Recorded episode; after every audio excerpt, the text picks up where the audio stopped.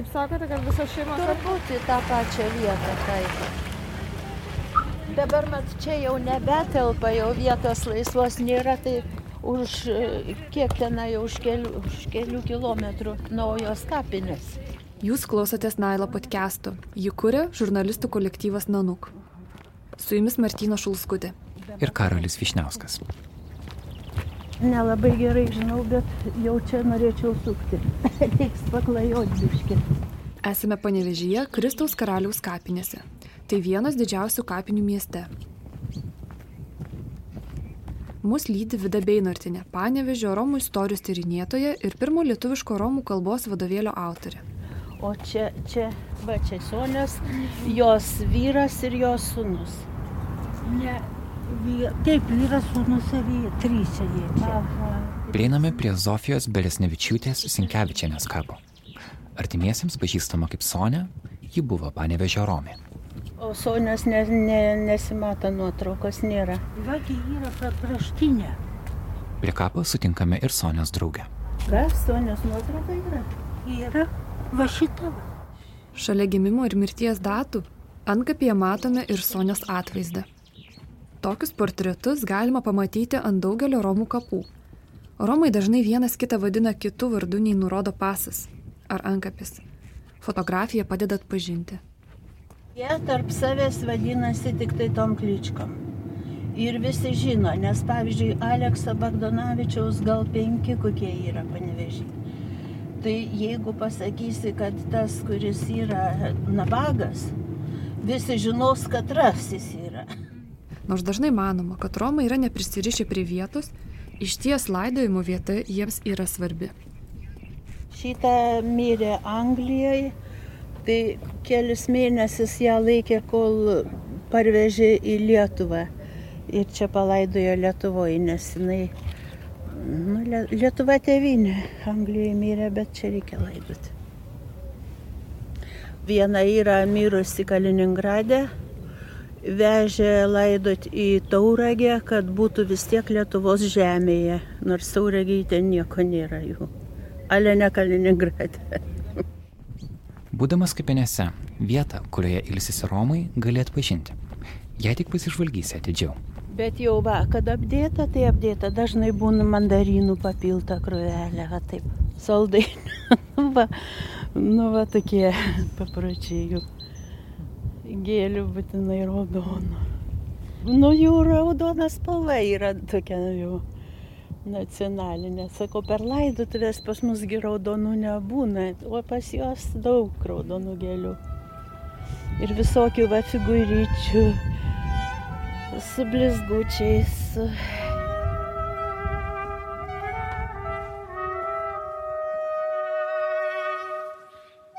Tai Romų tautos himno Dželem Dželem melodija.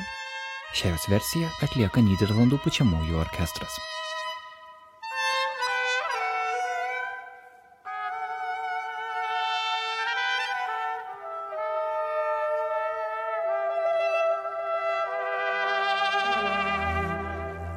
Sonia, kurios kapą šiandien aplankėme, yra viena tų Lietuvos Romių, kuri buvo palaidota ten, kur ir gyveno. Bet didelės dalies šiandienos pasakojimo herojų kapaviečių mes nerasime, nors jie palaidoti mums atpažįstamose vietose. Tik jas retai siejame su Romais.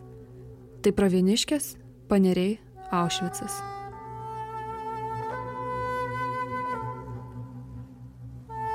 Aš netgi atsimenu mokykloje, istorijos pamokoje būdavo taip, aiškina. Žydai, jie tenai buvo žudomi. Bet sako, taigi ir čigonai buvo žudomi. Ne, nebuvo. Sako, taigi niekur nėra parašyta. Tai aš ir aiškinu, tai kaip jie pasirašys, jeigu rašyti nemoka. Prisimena Rasma, panevežė gyvenanti Romi. Jos istoriją išgirsite antrame šio pasakojimo epizode. Ėjome tokį didžiulį ginčą su mokytoja. Jis sako, kad nenužudė, aš sakau, kad nužudė. Sako, aš žinau. Sako, nemeluok. Iš manęs klasė pasišaipė, pasiekė. Ir likau aš melagė, žinokit. Nacių okupacijos metu Lietuvoje nužudyta apie 500 Romų, o visoje Europoje iki pusės milijono. Lietuvos Romų bendruomenė ir žmogaus teisų organizacijos ilgai siekė, kad apie Romų genocidą būtų kalbama nacionaliniu lygiu. Taip jau yra daroma Lenkijoje, Vengrijoje, Slovakijoje ir daugelie kitų šalių. Jose rūpjūčio antroji yra nacionalinė Romų genocido atminties diena.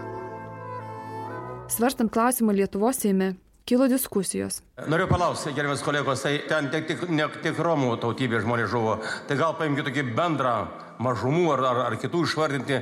Dabar mes taip gaunasi, kad e, kiekvieną dieną vis kitą priimsi. Taip, nutarkim bendru, gražiu sakiniu, tie, kurie žuvo ir tų žmonių, kurie žuvo, tada bus normalu. O dabar, o dabar asmeniškai pradėsim, tai po trijų dienų atsiras kitos tautos. Aš nelabai žinau, kaip jums atsakyti, bet noriu atkreipti dėmesį, kad tai yra ne mūsų sugalvota, yra tarptautinių organizacijų, yra kreipimasis iš užsienio reikalų ministerijos, iš kitų institucijų. Tuo labiau ir Romų bendruomenė to pačio prašo. Tai kai paprašys kitos bendruomenės turinčius tarptautinį pripažinimą dėl genocido jų atžvilgių, šnekėsim iš šitos tribūnos. Ačiū. Bet galiausiai Seime pritarta. Šiemet, rūpjūčio antrąją, Lietuva pirmą kartą minės nacionalinę Romų genocido atminties dieną. Šį sprendimą galima matyti kaip didesnio proceso dalį. Lietuvos visuomenė pradeda atsigręžti į tragiškus šalies istorijos etapus. Vis labiau suvokiame Lietuvos žydų holokausto istoriją, kai buvo išnaikinta net 96 procentai Lietuvoje gyvenusių žydų. Romų genocidas vyko panašių laikų ir dėl tų pačių priežasčių tačiau apie jį žinoma daug mažiau. Tai galima aiškinti tuo, kad Romų bendruomenė buvo ir yra daug mažesnė. Jos istorija tyliau girdima bendrame Lietuvos istorijos pasakojime. Apie Lietuvos Romų genocidą nėra sukurta filmų ir beveik neparašyta knygų. Kaip išsiaiškinsime vėliau, mokyklos vadovėliuose apie jį rašoma tik vienu sakiniu. Šis dviejų dalių pasakojimas bus bandymas tai pakeisti. Mes grįšime į Romų gyvenimą tarpukariu, genocido metus išgirsite Sonios prisiminimus iš lagerių. Antrajame epizode susitiksime su Romų bendruomenė dabar.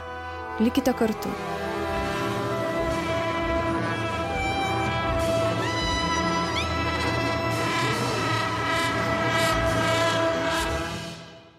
Pirma dalis - tarpukaris. Pirmiausia, tai mes supraskim, kad tai buvo klajojanti bendruomenė ir dėl to mes turim labai mažai apie ją duomenų, nes kai vyko gyventojų visuotinis surašymas, tokių klajoklių niekas nesurašė. Susirašė Romai, kurie turėjo pastovų darbą. Tie mhm. Romai įėjo į bendrą Lietuvos gyventojų skaičių ir į tą bendrą surašymą. Tie, kurie klajojo, gyveno taborais, pravažiuodavo pro Lietuvą kaip, nu, kaip pro tranzitinę valstybę, tai jie į jokius sąrašus nebuvo įtraukti. Ramūnę Dliaučiūnaitę sutikome jos darbo kabinete Vilniuje, Lietuvos gyventojų genocido ir rezistencijos tyrimo centre. Ji vadovauja muziejaus istorijos skyriui, vėliau Ramūnė mus palydės į čia įrengtą Romų istorijos kambarį. Dėl to mes ir sakom čia, kad e, nacijų okupacijos laikotarpiu buvo nužudytas kas trečias Lietuvos Romas. Mes darom čia tik tai tokią kaip prielaidą, kad jų tuo laiku galėjo būti Lietuvoje apie pusantro tūkstančio. Tai yra prielaida nieko nepagrįsta. Nes iš esmės, jeigu čia pasižiūrėt, čia mes keletą dokumentų vat, suradom, tai reiškia 1923 metai Lietuvos Respublikos gyventojų visuotinis surašymas vykdytas ir to surašymo duomenimis Lietuvoje gyveno tik tai 284 romai. Tai aš ir kalbu apie tuos romus, kurie buvo sėslus, kurie turėjo šeimas, darbus, gyveno taip kaip mes. Mhm. Bet aplink mus buvo daug klajojančių romų. Mhm. Ir jie tiesiog, nu, nu tiesiog, jie klajojo šitie žmonės, jie nepatekdavo į jokius sąrašus. Bet va čia turbūt ir yra tas unikalumas, kad jie buvo be galo įdomus vietos fotografams. 2015 metais Ramūnė su kolegomis parengė nuolatinę Romų fotografijų ir dokumentų ekspoziciją. Joje pasakojama dviejų pailiui sekusių laikotarpių istorija - tarpukario ir karo metų. Prie fotografijų vaizdų mes dar sugrįšime, tačiau dabar išgirskime, ką žinome apie Lietuvos Romų gyvenimą tarpukariu. Faktiškai visi um, senesnio amžiaus informantai uh, jie visi įvardindavo prieškario Lietuvą kaip patį geriausią laikotarpį. Nors paskui prisimena ir sako, oi, bet kaip mes gyvenom po miškus, tose palapinėse, purvinį, šaltą, kaip ir, ir tuoj po to vėl prisimena labai šviesiai. Aušra Simoniukštytė, Romų bendruomenė ir kultūrą tyrinti socialinė antropologija. Ji dėsto Vilniaus kolegijos pedagogikos fakultete. Visą laiką svarščiau, kodėl taip yra. Ar todėl, kad tai vaikystė žmonių ir į savaime idealizuojama. Ar iš tikrųjų buvo mažiau įtampų su lietuviais, negu galbūt yra dabar. Bet iš tikrųjų prieškarį seni informantai vertino kaip patį šviesiausią laikotarpį. Pasakodavo, kad kartais sustabdydavo Lietuvos policija keliuose, prašydavo pasų, ne visi turėjo pasus, bet pasijurdo ir paleisdavo. Aušra pasakoja, kad panašiai kaip Romus Lietuvos keliuose tarpukariu dar buvo galima sutikti ir vadinamuosius kilminguosius ubagus. Tai etniniai lietuviai, tačiau gyvenę keliaujančių elgetų gyvenimo būdą Tikriausiai tai yra europinė keliautojų tradicija iki šių dienų išlikusi Airijoje, Anglijoje ar Olandijoje. Keliautojai, tie kilmingieji ubagai išnyko iš Lietuvos kelių labai greitai, nepriklausomai Lietuvoje, nes policija juos stabdydavo, konfiskuodavo vežimus ir galėdavo net į daboklę uždaryti. Tai, o prieš Romus tokių priemonių nebuvo imtasi. Ir čia tokia logika labai įdomi. Galbūt Lietuvos valdžia Romus traktavo kaip atskirą etninę grupę, o jų gyvenimo būdą kaip tradicinį gyvenimo būdą ir jį gerbė. Šia čia atskiros etninės grupės, tautiškumo raiška ir jinai verta pagarbos. O štai lietuviai, kurie gyvena taip kaip Romai, bet jie yra lietuviai etniškai, jiem tarsi nebuvo leista gyventi tokio gyvenimo būdu. Tai nebuvo laikoma etniškumo raiška, matyt asocialus kabutėse gyvenimo būdas. Nežinau, čia mano interpretacija. Bet tai buvo dvigubi standartai. Vieni Romam, kiti Lietuviam. Tai pats tas faktas yra įdomus. Dabar Lietuvoje gyvena trijų skirtingų grupių, dar vadinamų nacijomis Romai. Istorinė ir pati gausiausia Lietuvos Romų etninė grupė save vadina Litovska Roma Vilniaus krašto Romai, Polska Roma, taip pat yra šios grupės dalis. Latvijos pasienyje gyvena Lotfitka Roma, Latvijos Romai. Visi jie yra katalikai. Lietuvoje dabar taip pat gyvena Romai Kotlerai. Jie yra stačiatikiai. Į Lietuvą Kotlerai atvyko iš Moldavijos po antrojo pasaulinio karo.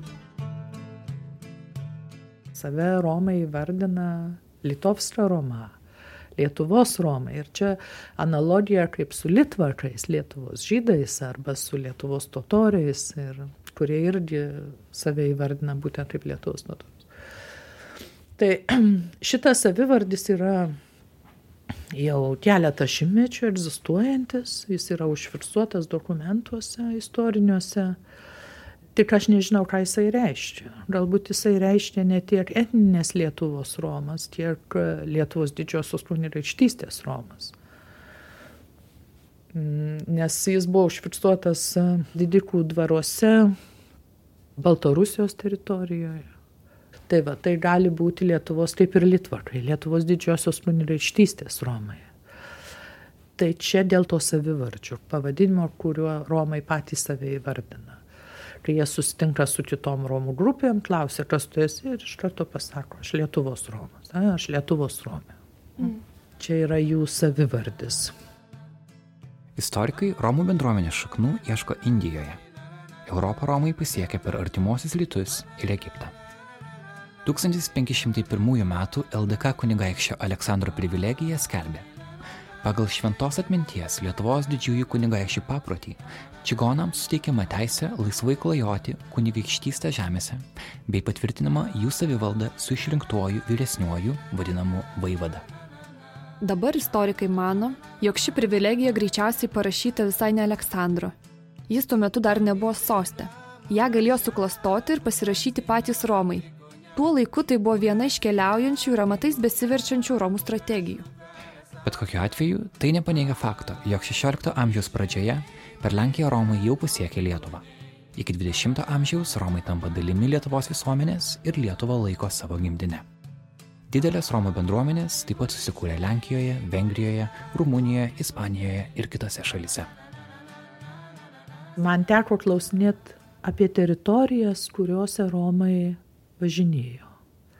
Tai susidarė toks paveikslas, kad Lietuvos teritorija buvo paskirstyta į smulkesnės teritorijas ir kiekvienoje teritorijoje atskira familija važinėjo. Familija tai toks kaip šeim, išplėstinė šeima, kaip koks klanas. Ir net Romai per interviu sakydo, čia mūsų familijos vietos ir kitų familijų mes čia nesileisdavom, baigta, čia mūsų.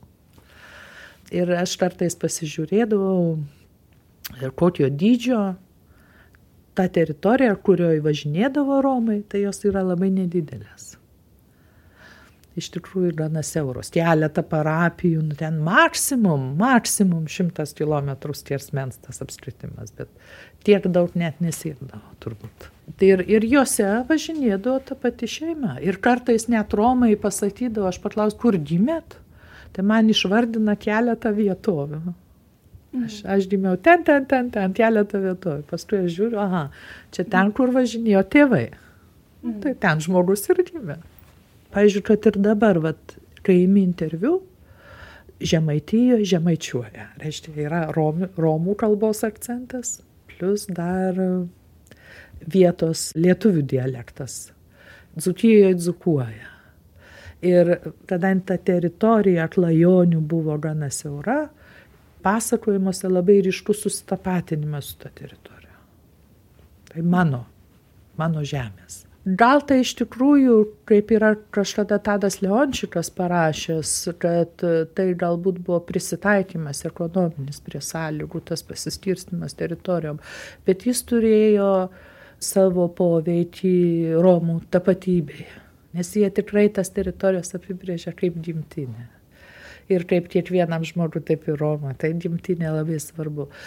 Kybartuose teko kalbinti Romę, kuri rodė fotografiją vestuvių, bet ji iš fliukų, iš tų Romų grupės, kurie atrodo e, gyveno rytprūsiuose. Ji buvo per vestuvės apsivilkus lietuvių tautinių kosių. Buvo mada tuo laiku tautiniais rūbais apsivilkus ženytis Lietuvoje. Ne tarp Romų, bet Lietuvoje ir jie ten sėsliai gyvenantis Romai jau buvo prieš karius sėsliai gyveno. Aš tą atsimenu, bet labai gaila, aš neturiu nei kopijos, nei Labai gaila, kad ne, nesu išsaugojus tos nuotraukos. Tai jeigu mes kalbėtume apie tą Litovską romą kaip istorinį pavadinimą, grupės, kuri galbūt gyveno visoje Lietuvos didžiojoje kunigaikštystėje, aš taip įsivaizduoju. Tai šiandien tas pavadinimas turi kitą turinį, bet tai vis tiek tapatinimas su savo gimtinė, savo gimtojų kraštu. Vėl grįžtame pas Ramūnę Driaučiūnaitę ir su ja žiūrime istorinės fotografijas. Kelios dešimtys fotografijų leidžia žvilgtelėti į prieš šimtmetį Lietuvoje gyvenusių Romų kasdienybę prieš ją negrįžtamai sujaukus antrajam pasauliniam karui. Žavisi tai kelia šitą sieną ir šitos Prie, nuotraukos. Tarpu, Taip, prieš, taip, taip, taip, todėl kad tai yra neįprastas dalykas. Mhm. Taip, tai nėra įprasta Tai yra, nu, sakykime, savotiška egzotika, gyvenimas keliaujant, statant palapines, nu, žodžiu, maitinant vaikelį, būrint iš kortų, parodant save. Reiškia, kur čia tie mūsų Lietuvos kareiviai, nu, vat, nusifotografavę, ar ne? O kas čia vyksta to? Nieko, tiesiog Lietuvos kareiviai suėję, matyt, kažkur, mato, 26 metai aukštųjų karo technikos kursų kursantai. Nu, tai čia kur, ka, kažkur tai Kaune, reik manyt, užtiko ir nusifotografavo su Romų šeima. Matot, laužas, kurią nasivalgyti gamino laikinai sustoja buvo, jie priejo nuotrauką pasidarė. Šias ir kitas aptartas fotografijas galite pamatyti mūsų podkasto tinklalapyje naila.lt, nila.lt. Čia labai graži nuotrauka važiuoja į turgų. Tai be abejo, kad tarpukario Lietuvos retas, kuris turgus apseidavo darom. Jų ten, manau, buvo pakankamai daug. O ką darydavo? Prekiaudavo. Tai žinau, kaip prekiaudavo. Kuo, kuo Romai prekiavo? Arkliais. Taip. Tai čia svarbiai. Taip, pakeliui važiuoja turgų. Vyrai užsijima prekybą, moteris užsijima būrimu. Taip, taip. Ko dar tu, tam pačiam turgui viskas vyksta, manau, kad tam pačiam turgui vyksta. Kas dar neįprasta, tai drabužiai. Labai ryškus drabužiai, labai nebūdingi, nu, mums, sakykime, lietuviam nebūdingi tie drabužiai, ne? Jeigu Romė turi kažkokį gražų spalvotą kaspiną, gal kokį šilkinį parduoda, ar ne, jų tos karos tokios, nu jos mūsų kraštui, mūsų koloritui nebūdingi, nes mes tokios, nu kaip pasakyti, mūsų močiutės jos buvo pakankamai santūrios dievo baimingos moteris. O čia štai tokie sijonai, skaros, visa kita, karoliaus karai, nu. Tai gaila, kad tos nuotraukos nespalvotos.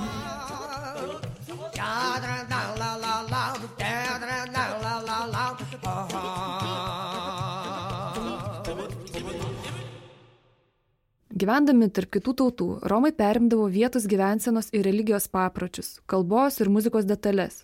Tačiau jie vis tiek visuomet liko matomi kaip kitokie. Romų istorija Europoje yra nuolatinė diskriminacijos istorija. Romai Europoje buvo persekiojami. Kalba Aušrasimoniukštytė. Tai pirmas žodis, kuris ateina į galvą, kai pagalvoja apie Romų istoriją Europoje. Tai persekiojimas, ištisinis persekiojimas.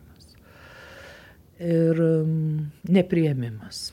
Ir čia įdomu, tai yra įvairios teorijos, kodėl taip atsitiko, bet iš tikrųjų Romai buvo ta grupė, kuri liko už luominės visuomenės ribų. Savo pačiu egzistavimu joje kvestionavo socialinę tvarką. Mm. Ir dėl to, aš manyčiau, buvo suvokiami kaip grėsmė.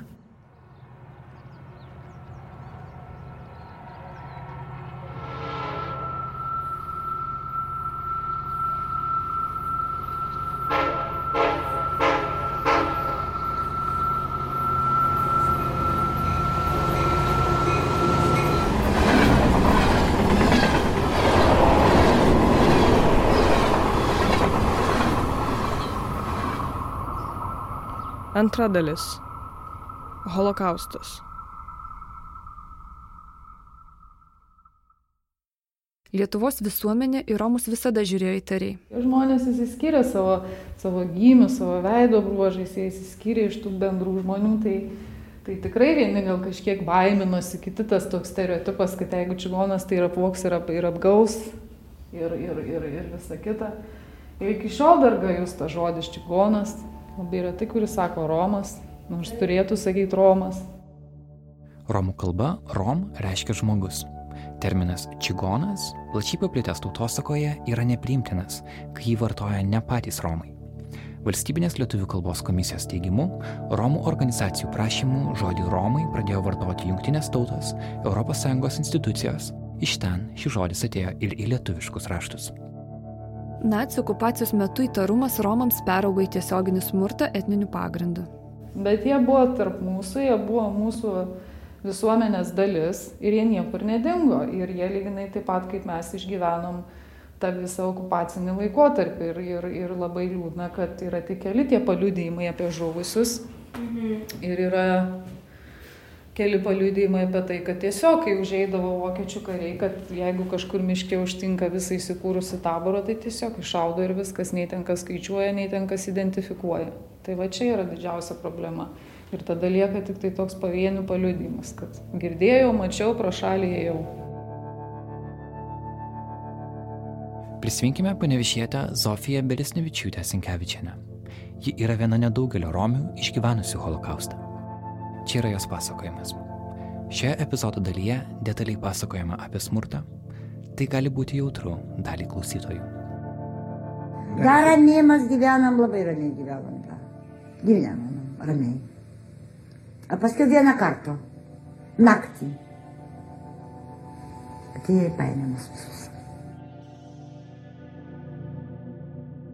Įrašas, kurio ištraukas dabar išgirsite, yra saugomas Junktinio Amerikos valstijų holokausto memorialinėme muziejuje. Šio muziejaus žodinės istorijos archyvas renka nacistinio režimo liudininkų atminimus.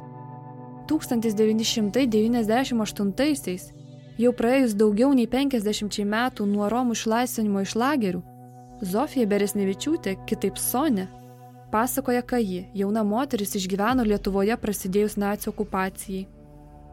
Prasidėjus karui, Sonės šeima gyveno panevežyje. Moteris iš arti matė, kaip jos mieste ir Krakėse, Kedainių rajone, kur gyveno jos giminaičiai, buvo sunaikintos žydų bendruomenės. Tačiau Romų šeimos tuomet dar sunkiai galėjo tikėti, jog toks likimas gali ištikti ir juos. Sonios atminti išlikusi pavardė Surkevičius. Tai vienas iš žmonių atvykusio areštuoti jos šeimos tada, 1943 žiemą. Vokiečiai lietuviai buvo. Lietuviškai kalbėjo su mus. Į vokiškai, kiti vokiškai. Tie perduoda jiem vokiškai, bet, bet mes nesuprantam, žinai, da. Aš tik pati buvau, ten Vokietijai pradėjo suprasti tą kalbą, jūs žinote, va. Nu, ką, atėjom naktį įsvarę mus čia į getą. Tai čia jums netikėta buvo, jūs iš vakaro. Netikėto mes negojam. negalvojat, kad- kad reiškia Ne, ne, ne, mes negojam čia naktį viską darė. Tai žmonės nematytų, reiškia, žinot, matyt. O taip va. Su vaikais, neščias moterius, reiškia, buvo. Visus, reiškia, jum svarė mus į tą getą iš namų. Net ir atsidūrę panevežio gete, dauguma Romų tikėjo, kad juos veža dirbti. Jie nežinojo, kad tikslas yra juos sunaikinti. Babytė mano, tėva motina. Saka, bus mums kaip žydelim, saka, buvo. Baba, sakė. Ir kitų tautų, saka, nemyli. Tai tik savo vieną tautą myli, saka, žydai. Baba, sena buvo. Turtinga tokia buvo senokė labai. Tai indai sakė. Tai jeigu aš tetai pasakiau, tetai jau metusi, aš pacankė, sako, už ką mus šaudys, nu. Jis sušaudys į mus. Tai baba sakė. Bet nieks į galvą neėmė. Bet aš tos žodžius prisimenu, kaip sakė. Surinktus ir laikinai apgyvendintus Panevežio gete Romus aplankė bažnyčios atstovai. Ką toks apsilankimas tuo metu reiškia, Sonė suprato tik vėliau. Kunigai atėjo, davė mums, reiškia, išpažinties prieiti. Priem išpažinties komuniją paėmėm, vaikus krikštyje, kas gyvena susidėjęs, tie patys, reiškia, šliubo davę kunigai ten vietoj. Į tą vietą, kur buvom. Na, žinoma, kunigai gali žinojo šitą, kas mus veda šaudyti. Čia be kalbų. Tačiau jau paskutinis patipimas, kaip sakasi, duota buvo mums. Paskutinis patipimas čia. Bet nieks nesuprato. Bet, žinai, dėl ko nesuprato, aš jums pasakysiu, žurnalistai. Kai mažą mokslą praeis, vienas dalykas, kai nebuvo mokinti, jie, jie šitą nesuprato. Kaip čia gali šitą būti mums. Paskui mus visus išvarė iš vietos. Per miestą varė, pieškomą jiem ten stoties. Ten vagonus, kur gyvulis veža. Ten visus mus varė. Ir mes atvažiavam praviniški. Iš Romų, kaip ir žydų, buvo atimta dauguma jų turto, net drabužiai. Areštuotos Romų šeimos daugiausia gabentos į panerių, pravieniškių, ežerėlių ir raudonplytės durpynų priverčiamųjų darbų stovyklas. Atsimenu, nutraukė nupirštą man auskarukai. Buvo nuėmę. Visiems, ne tik man. Ten kas turėjo ką. Batus nuėmė nuo mūsų. A kur jie dėjo tos batus, aš nežinau. Davė klumpės tokios, visą šmedžią padaryta tokia, tik kišti koją, žinot, va. Nors tos klumpės reikėjo eiti į darbą, nu kaip žiemą su jais eiti. Atsimenu, primušė tų kauliukų, labai kraujystėje. Nu, jie labai kankina ten mus. Jie. Zigoiner, kaip jie sako, zigoiner kaputį. Praviniškėse, o vėliau ir kitose koncentracijos stovyklose Soniai teko dirbti sunkius fizinius darbus. Ji nešė medžius, kasė dobes, tvarkė subombarduotų pastatų grįvėsis. Nepakeldami tokių gyvenimo sąlygų, žmonės iš stovyklų stengdavosi pabėgti. Neretai tai pavykdavo. Sonė taip pat ryžosi bėgti ir grįžti pėsčiomis iki Panevežio. Atstumas tarp Pravieniškių ir Panevežio yra apie 100 km. Jį mergina turėjo įveikti sužeista koja.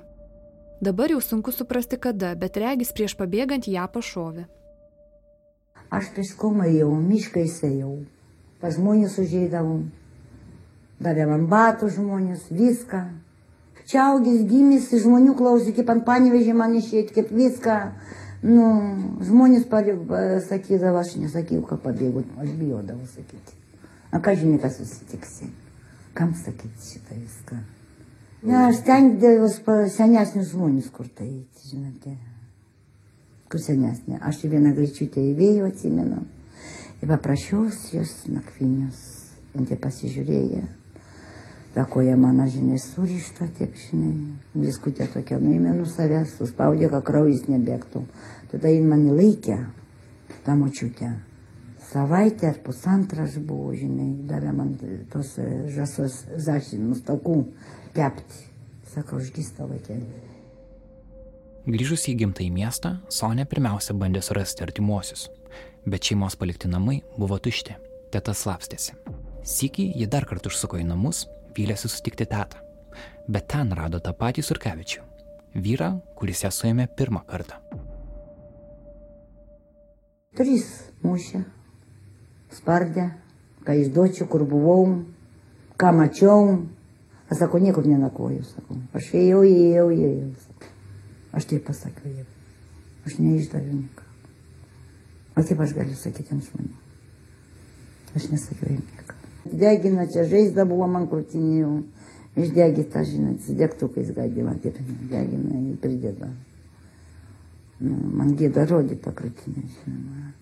Degtukų. Ženklas pasiliko pas mane. Paskiau man uždarė tą getą. Vėl čia palaikė, kitus paėmė žmonės, išvežė mane ten. Sonia vėl gražino prie vieniškės. Ten ji toliau laviravo ant mirties ir gyvenimo ribos, sunkiai suprasdama, kieno rankose jos ir artimųjų likimas. Kai aš dabar pakeliu tą pagalį, aš negaliu ją iškelti šitą visą. Nu, jis, matai, kad piršinis būtų, gal aš ją greičiau ten griebčiau, bet jis slysta man iš rankų. Vokiečiais vienas, jis prieja, reiškia, prie mane, šautuvė, reiškia, dievą tipą. Aš nenusigandau, aš prisimenu labai gerai. Jis norėjo šauti mane. Aš iš šoną įklopiau ant kelių jam ir apėmiau kojus. Nu, tų momentų prieina kareivis iš Panimžių. Kareivis atpažino Sonę. Jis atsiminė, kaip vaikystėje lankėsi pas ją namuose, ieškodamas tėčio. Jo tėtis tuo metu dirbo pas Sonės tėvus. Jaunas kareivis paprašė prižiūrėtojo Sonės nenušauti. Kai liko dviese, kareivis papasakojo jai, kad artimiausiamis dienomis Romus planuojama sušaudyti. Duobės jau iškastos. Kareivis slapta pamokė Sonę, ką jai daryti, kad turėtų galimybę išgyventi. Pasakė, sako Zofija, žinai ką, sako, ar penktadienį, ar šeštadienį tave sušaudys. Visus jūsų. Aš tave pamokinsiu, sako, kad tu gyva būtumė. Sako, jeigu naktį jį iššauks, sako, jis viską žinoja apie tą. Tavo pirmą, sako, raidė eis. Pavardę. B. Persnevičiūtė, reiškia. Iš Sonios pasakojimo atrodo, jog tą lemiamą dieną nacijai kvietė žmonės abecelės tvarka. Pagal gautus kareivio pamokymus pašauktieji turėjo pakelti ranką aukštyn. Apie tai pasakodama Sonė atsistojo ir ištiesė delną aukštyn, likdodama pagarbą Hitleriui. Pakėlusi į rankas buvo atskirti nuo nekėlusių. Šeimos ir giminės buvo išskirtos į dvi dalis. Čia va visos partijos stovi, vyrai, tada visi moteriai, vaikai, viską į tą pusę viską buvo. Bašyčiva. Jų tas jau, vokiečiai kur buvo jau, prieš tą namą. Nu, lempus dega didžiausias ten, žinai, naktį, šviesų, iššaukė, reiškia. Ir aš prisimenu tą kareivį, kaip jis man pasakė, kada jį iššaukė mano pavardę, aš iš karto ranką iškėliau. Ir... Dabar aš žiūriu, broliukai mano du. Ką man daryti? Rizikavau, galvoju, o nušaus, nušaus. Jis stovi verkė prieš mane. Aš taip čiupiau, aš šitą bijau. Patraukiu į save čia. Aleksą. bet aš nežinau, kaip mane nenušovė ten. Tuo tarpu. Pradėjau tada rėkti aš. Kelkit rankus visi, sakau. Mes žūsim, kaip jie tie mane nenušovė, aš nežinau. Ir lietuviškai. Dėl to, kad lietuvių daug buvo labai mūsų. Ir rusai buvo. Ir čigonai buvo. Tautybė, tik žydų nebuvo, tautybė iššaudyta buvo. Nu tai kas kėlė ranką, tos visus išvežė. Nu ir po to, reiškia, Katrinė kėlė rankus, senus žmonės, vaikai mažus, visus ten sušaudė. Atė visi, baba manai, tetam žinatelis, į pusbroliukai buvo mažiukai, gražus labai vaikai buvo, dėdį vaikai, reiškia, mano tėva, brolio vaikai. Pusbroliai buvom. Nu, visus tos sušaudė lygiai. Net girdėtis buvo, kaip paėm, kaip šaudė. Net girdėtis buvo. Tikslios statistikos, kiek Romų buvo nužudyta genocido metu, rasti neįmanoma. Lietuvos gyventojų genocido rezistencijos tyrimo centro duomenimis 1943 metais Praveniškėse oficialiai žuvo penki Romai, 44-aisiais žuvusiųjų skaičius nežinomas. Bet atidžiau klausant Romų prisiminimų aiškėja, jog jų netekčių istorija yra nesuskaičiuotų žmonių istorija. Vieną paliko šešius vaikus. Praveniški paliko. Tik vieną paėmė vaiką su savim. O tos visus sušaudė. Tasik Zofija Beresnevičiūtė ir daugelis panašaus likimo įvairių tautybių žmonių buvo išvežti gyvuliniais vagonais. Galutinė stotelė - Vokietijos ir Prancūzijos lageriai. Iš praviniški ten, kiek mes paėjom, nežinau, negaliu pasakyti dabar, kiek ten kilometrų per tą mišką ėjom, atsimenu. Ir paskui prie stoties į vagonus mus visus varyti. Į vagonus, į vagonus varyti. Va. Vandens nedavė mums gerti. Prašom kareivių, kad duotų vandens, nedavė. Kurias pra jūrą važiavam, saka, sūrus vanduo, nedavė mums vandens visai. Į tą sūrį, reiškia, paprašėm, nuleidėm butelį, ir kad pasemtų kokią sūrį vandens. Nu, pasėmė vienas. Davė, bet sūrus labai buvo, jūrus vanduo. Vėliau jau Prancūzijoje žuvo ir vienas iš Sonios brolių. Jį pašovė į pilvą, kai lindo per lagerio tvorą, norėdamas parsinešti maisto. Uždaryti ten duris, tos tai buvo geležinis ar medinis, neatsimenu dabar. Ir kada broliai mano nušovė, sužinojau, prašiausi, kad jis ligoninė gulita, paguldė ją. Ligoninėje aš prašiausi, reiškia, po lentelių jiem. Jie man neleidė, da, spardė mane su kojim. Jie man neleidė. Pa- Pamatyčiau brolį gyvą, norėjau labai. Jis labai gražus buvo, dainuodavo labai gražiai. Viską mėlynus akis, pusė akė pas ją buvo ruda, a pusė mėlyna, a kita buvo mėlyna, akitė. Jis taip užgimęs buvo. Jis ten neguli į Franciją, kur tai nežinau. Tai kai peršovė jisai dar gyvas buvo. Jis dar gyvas buvo, jam į viduris papolė, tiesiai va šičia, va, jis išlaikė operaciją ir mirė tada. Parašė man laiškį. Viskas šitą. Aš kaip prašiausi, tas pats miestas. Bet jie galėjo mane leisti, broliuko, žinai, juk pamatyti, bet jie neleidė mane. Spardė su kojais. Tai kas tokie spardė kojos? Vokiečiai dabar. Vokiečiai ten buvo. Ten vokiečiai. Tai jūs gavot laišką, kad brolis sužeistas yra. Taip, ligoninė guli, brolis tavo paršautas. O paskui parašė man, kai jau mirė jisai. Bet aš prašiausi, jau pati tą vyriausią, jau vokiečių, žinote, va, po lentelį jam prašiau. Reiškia, ką pamatyčiau savo tą braliuką, jie mane leidė, spardė su kojais mane. Kasdienybė, be teisės sirgti ar būti silpnam, tais metais tapo įprasta. Sirgau. Ždegimų plaučių buvo man. Buvo, bet atsiprašom, atleiskit man su šlapumą gydė.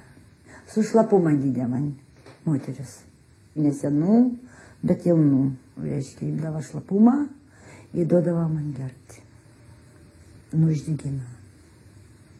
Aš labai greitai pasigavau. Tai neduodavo vaistų. Nieko. Tik su šlapumu. Sunkumus teko ne tik išgyventi, bet ir kasdien liudyti. Viena čiūnytė, teta mano jos, kai atsisidėjo žmona, pagimdė ten sūną, pati priėmė. Jis porą valandų atėjo į darbą arba įt. Nunešėm tos smėlių ant nasilkos, žinot, va jinai. Pagimdymą porą valandų gal praėjo. Ir visai nesiskaitė su mus. Ir tik 45 metų gegužę sąjungininkų kariai įkalintuosius išlaisvino. Darbo lageriuose Sonė praleido du metus. Su kitu broliu ji po karo grįžo į Panevėšį. Mano savivitė tokia buvo tik važiuoti namuose. Jeigu kas pasiliam, kad aš pykstu ant savo tų draugių, pykdavau. Tai pasikalodavo nuo manęs. Tai sako, jums negaila, sako, savo žemė, sako. Tai sakydavau, kur gimės, kur augės. Nu, kad turiu suštekėję ten. Išvažiavo Angliją, Amerikoje, Prancūzijoje ten, taip ir toliau. Daug kas pasilika. Aš nepasilikau. Pasak Sonios, jau visai prieš sąjungininkams juos išlaisvinant, jos ir pasakojimo pradžioje minėtos Virkevičiaus keliai vėl susidūrė. Jis patikino ją, kad ketina bėgti į Ameriką. Bent jau Sonios nepasiekė jokios žinios, jog tas žmogus būtų buvęs teistas už prisidėjimą prie karo nusikaltimų. Nugyvenusi 91 metus, 2016-aisiais Sonė mirė.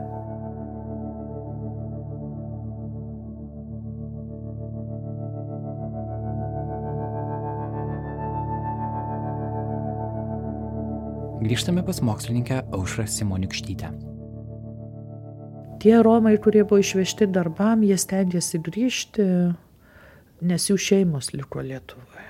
Bet blogiausia, kad grįždavę, jie nerasdavo šeimų. Dažnas atvejs buvo. Aš atsimenu tokius senelio iš troškūnų pasakojimą. Sako, jam siūlė likti sąjungininkų išlaisvintose teritorijose. Ir jis galėjo likti vakaruose. Bet jis grįžo, sako, šeimos ieško ir aš atsimenu net kaip jis ranką mostelėjo. Ar aš būčiau, sako, grįžęs pas tą Staliną. Ranką taip numojo. Šeimos, sako, ieškojo. Tai dažnai ieškodavo šeimos nerasdavo. Jau šeima būdavo sunaikinta. Tai va čia buvo pagrindinis motyvas grįžti žmonėms. Nacijų okupacijos metu genocido įstatymai įtraukę Romus skirtingais laikotarpiais keitėsi. Bet dabar sutariama, kad genocidas prieš Romus, taip pat kaip ir prieš žydus, buvo vykdytas etniniu pagrindu, nepaisant skirtingų formuluočių. Vis tiek Romai buvo naikinami irgi rasiniu pagrindu, kaip ir, kaip ir žydai. Tai Romai lyginai taip pat. Kalba Ramūnė Driaučiūnaitė. Tik tai reikėjo to preteksto ir, ir, ir tiesiog pradžiai, kad suvaryti Lietuvoje viso, į darbo stovyklas, kad konfiskuoti jų arklius, kad yra tokie, vat, kaip pasakyti, valkataujantis, parazitų nešiotojai, visuomeniai nenaudingi. Reiškia, vienas dokumentas, kitas dokumentas, trečias dokumentas. Nu, paskui viskas, kai su, į koncentracijos stovyklą surenka suveža, tada jau prasideda atranka. Lyginai tokia pati, kaip, kaip pat žydų dalis išeina kur į darbus, grįžta, o čia jau žiūrėk dalis getų išvalyta, jau paliegė, vaikai, seneliai jau. Tai lyginai tas pats pravieniškėse su Romais buvo. Išėjo žmonės į darbą, pravieniškėse tai ten dirbo miško darbus, girdi, kad šaudimas vyksta, pareina vakarė jau nėra.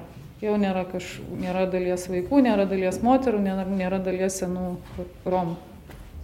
Šaudė. Taip. Lyginai tas pats principas, lyginai tas pats. Tačiau tam tikrais laikotarpiais sėsliai apsigyvenę ir dirbę Romai tikėjosi išvengti represijų. Bandė nuomotis būstus, gyveno pas ūkininkus, bandė įsidarbinti. Okupacijos pradžioje dalis Romų žuvo sušaudyti stovyklose, kur tuo metu buvo apsistoję. Dažnai be liudininkų, be įrašų archyvuose labai chronologiniai rėmai nėra aiškus. Pavyzdžiui, klausi, kada tai įvyko, niekada Romai neįvardins metų, vis sakys pabuvo Vokietys, jau pabuvo kažkiek Vokietys. Ai, sako, mano antra duktė jau buvo gimus. Sako, kada gimė antra duktė. Ai, jau pabuvo Vokietys, kai gimė antra duktė. Nu, tai labai sunku susiorientuoti, bet panašu, kad karo pradžioj buvo tokių masinių žudinių. Pavyzdžiui, šeima sušaudoma, visa šeima vietoj kažkur tai su vežimo važiuoja, sušaudoma. Keletas yra tokių liūdėjimų. Labai sunku nustatyti, kada tai įvyko, bet panašu, kad tai vis dėlto karo pradžia. Paskui tarp Romų pasklinda gandas, kad reikia sėsliai gyventi ir įsidarbinti ir tada nacijai nejudins. Ir Romai e, stengiasi įsidarbinti, kur gali ir apsigyventi sėsliai, bet tai jų neišgelbsti, nes vis tiek suėmimai tęsiasi. Buvo pasakojimų, kaip lietuviai padėdavo. Pavyzdžiui, apgyvendindavo pas save namuose.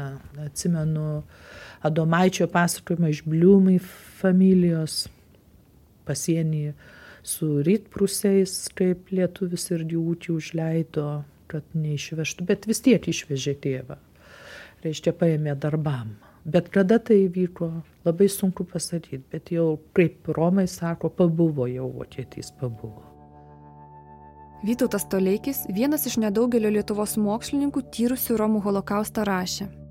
Dabar sutariama, kad bendrai Europoje holokaustą nacijų okupuotose vietose daugiausia vykdė Vokietijos pareigūnai. Sukarinti būriai klajodavo po šalį, Romus, kaip ir žydus, sušaudydami jų sulaikymo vietoje. Deja, dažnai aukos būdavo sulaikomos padedant vietos pareigūnams, kurie tapdavo aukų sargybiniais, kol laukdavo nužudimo nacijų pareigūnų rankomis. Pagrindinė atsakomybė dėl Romų holokausto Lietuvoje tenka nacijų okupaciniai valdžiai. Visų pirma, SS ir SD daliniams. Surinkti Romus į įkalinimo vietas ir juos saugoti buvo priversta ir Lietuvos policija. Kas konkrečiai žudė Romus Lietuvoje, vargu ar kada pavyks nustatyti. Šiaulių universiteto docentas Rolandas Paulauskas savo straipsnėje Romų holokaustas neskaityti Romų istorijos puslapiai pasakoja, jog Aušvico stovykloje Romai gyveno atskirai nuo kitų kalinių. Atlapėje nešiojo juodą trikampį, reiškusi socialų asmenį, rudą trikampį, Romų tautybės asmenį ir kiek rečiau raidė Z, vokiškai cigoiner. 1944 m. gegužės viduryje Aušvico stovykloje SS būriui buvo pavesta likviduoti Romų bloke gyvenusias šeimas. Tik paaiškėjo, kad vyksta netikėtas maištas. Beveik visose koncentracijos stovyklose žydai ir Romai stengiasi vokiečiams organizuotai priešintis. Romai, apsiginklavę metaliniais vamzdžiais, kastuvais ir kitokiais darbo įrankiais, sugebėjo ilgesnį laiką nepaklusti lagerio administracijai. Tačiau SS daliniai 1944 m. rūpjūčio 2 d. apsupę visą bloką sunaikino visus šios stovyklos romus. Iš viso 2898 žmonės. Dėl to būtent ši diena Europoje pradėta minėti kaip Romų genocido atminties diena. Priežasčių, kodėl Romų holokaustas buvo užmirštas, yra daug. Karo metu Romų bendruomenė buvo sudarkyta, O tada Sovietų sąjungai okupavus Lietuvą, Lietuvos Romų tradicinė kultūra buvo toliau naikinta. Keičiantis bendruomeniai, svarbus holokausto liudijimai buvo prarasti. Valstybiniu lygiu Sovietų sąjunga vykdė etinės užmaršties politiką. Ji dar daugiau nei 40 metų nesuteikė erdvės Romams viešai kalbėti apie tai, kas įvyko. Bet išlikusiai holokausto niekada nepamiršo. Kiek man teko bendrauti su Romų šeimom, įvairiose Lietuvos vietose nebuvo ne vienos šeimos, kurioje kas nors nebūtų nukentėjęs. Arba žuvęs, arba išvežtas į darbus, negryžęs, išvežtas į koncentracijos stovyklas, negryžęs. Aš atsimenu, kai aš įsisamoninau mastą, šitos tragedijos tai iš tikrųjų buvo na sukrečianti patirtis nes aš irgi nieko nežinojau apie romų genocidą ir iš pradžių net žmonės labai ypatingų būdų pasakoja apie jį nepabrėžia tos kančios tos tragedijos kurią jie išgyveno neįdėmiai klausant gali net pro ausis praleist kai kuriuos dalykus Kaip jūs suprantat, kodėl Romai labai nepastebimai įvardina tuos įvykius, genocidą, dėl ko nedrasiai apie tai kalba? Ne tiek, kad nedrasiai, tiek um, nenoriai, galbūt va, čia būtų tiksliausias apibūdinimas, nelabai noriai. Aš manau, kad tai yra susiję su įprasminimu išgyventos kančios. Nes Romam jį iki šiol yra beprasme. To įprasminimo nėra. O beprasmė kančia yra sunkiai pakeliama ir apie ją nesinori pasakoti. Pavyzdžiui, jeigu palydint su lietuvių tremtinių išgyvenimais, tai jam yra suteikta prasme, ta prasme atėjo ne iš tremtinių bendruomenės, bet iš jos, iš išorės į bendruomenę.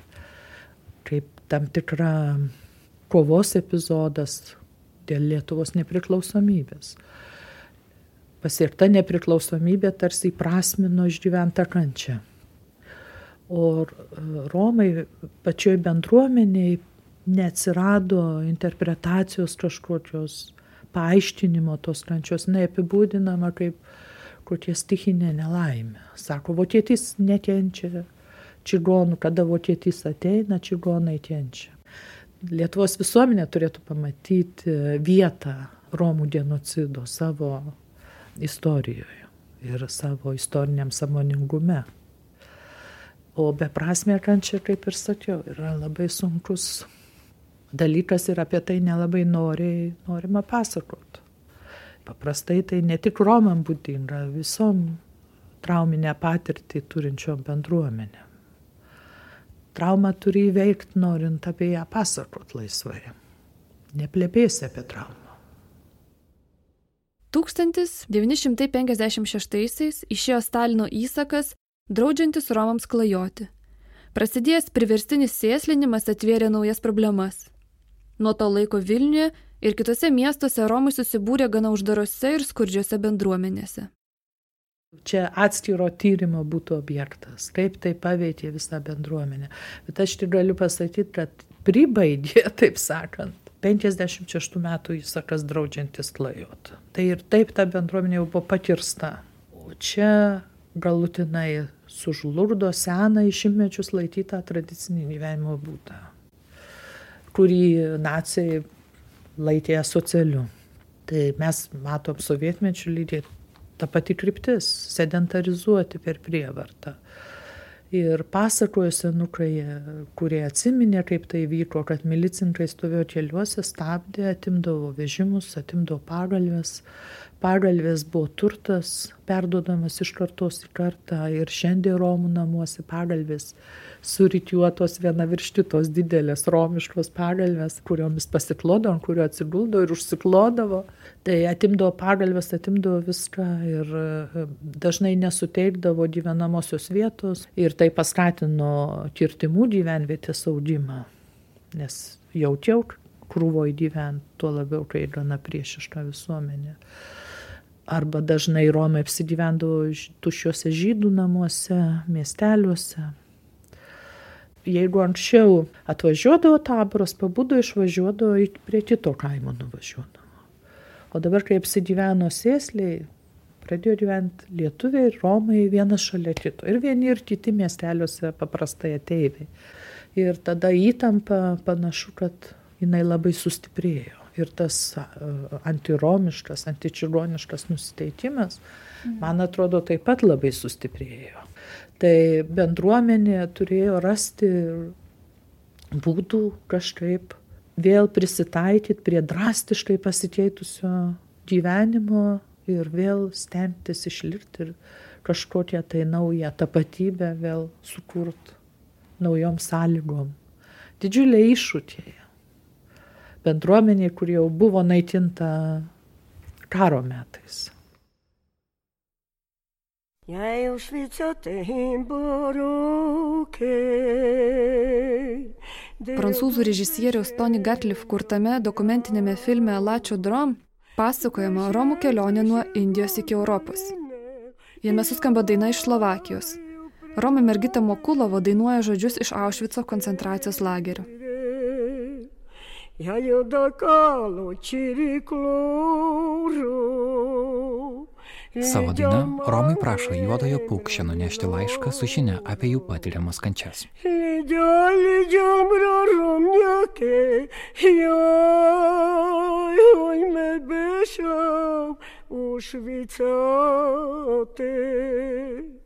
Ja już widzę te bory boka, na niejamy, na nie socha.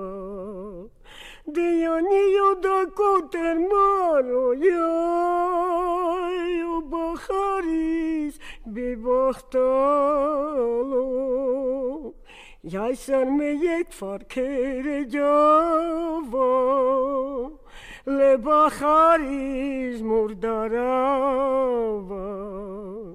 Sormeye cualquier yo yo le bajaris murdaro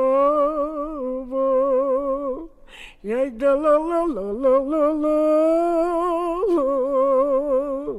Ya ya ya ya ya ya ya ya Oh ya ya ya ya ya ya ya ya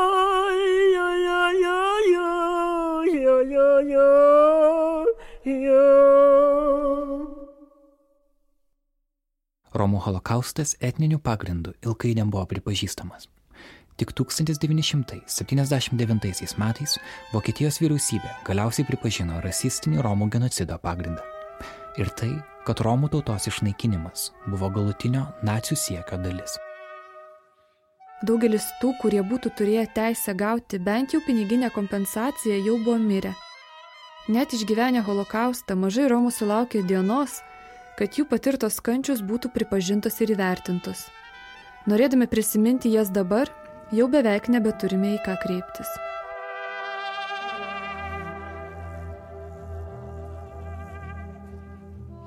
Ačiū, kad buvote kartu. Girdėjote pirmąją pasakojimo apie Lietuvos Romų genocidą dalį. Antrojoje dalyje kalbėsime, kaip Lietuvos Romai gyvena šiandien ir kaip genocidas prisimenamas dabartinėje Lietuvoje. Epizodą vedžiau ir redagavau aš, Martino Šulskutė. Jei padėjau aš Karolis Višniauskas, Mūsų garso režisierė yra Katažina Bitoft. esame ypač dėkingi Agnieškai Avin už tai, kad inicijavo šį pasakojimą ir padėjo visame jo procese. Mūsų pasakojimą lydi ir foto istorija, kurią galite pamatyti tinklalapyje Naila LT ir Nanuk Instagrame. Epizode naudojame Vengrijos Romų grupės Andodrom, kas reiškia kelyje muzika. Abi pasakojimo dalis išversime ir į Romų kalbą. Šio epizodų kūrimą iš dalies finansuoja Tautinių mažumų departamentas, o apskritai Nailo podcastą išlaiko patys klausytojai adresu patreon.com/nanuk multimedia. Naila podcastą kuria žurnalistų kolektyvas Nanuk. Susitiksime kitą savaitę.